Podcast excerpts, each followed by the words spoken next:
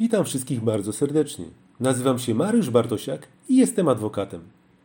Opowiem dzisiaj o jednej z podstawowych zasad procesu cywilnego, to jest o ciężarze dowodu.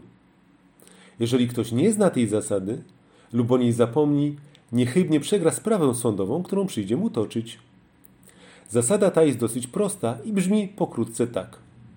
Jeżeli ktoś coś twierdzi, powinien to udowodnić.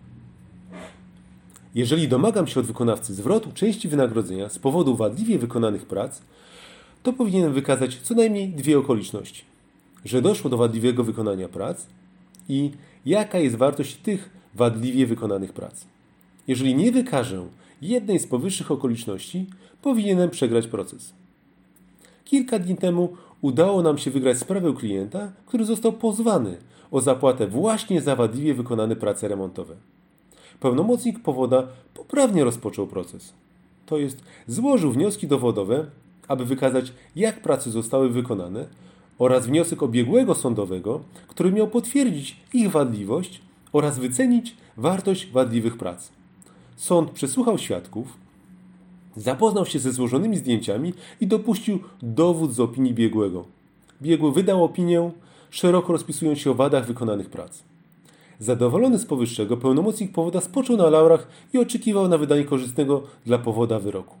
Przegapił jednak bardzo istotny szczegół.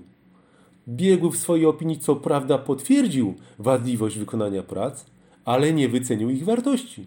W takiej sytuacji należało złożyć wniosek o uzupełnienie opinii w brakującym zakresie, czego jednak pełnomocnik powoda nie zrobił. Wystarczyło zatem w mowie końcowej wypunktować braki dowodowe, aby wygrać tę sprawę dla pozwanego. Wszystko się sprowadziło bowiem do tego, że sąd co prawda miał dowody potwierdzające wadliwe wykonanie prac, ale nie miał dowodu na okoliczność, jaka była ich wartość. Co za tym idzie, nie wiedział, jaką kwotę należy dla powoda zasądzić. Co istotne, sąd powinien być jedynie arbitrem procesu prowadzonego przez strony. Nie powinien przeprowadzać dowodów za stronę, ani podpowiadać, jakie dowody strona powinna przeprowadzić, aby wygrać proces.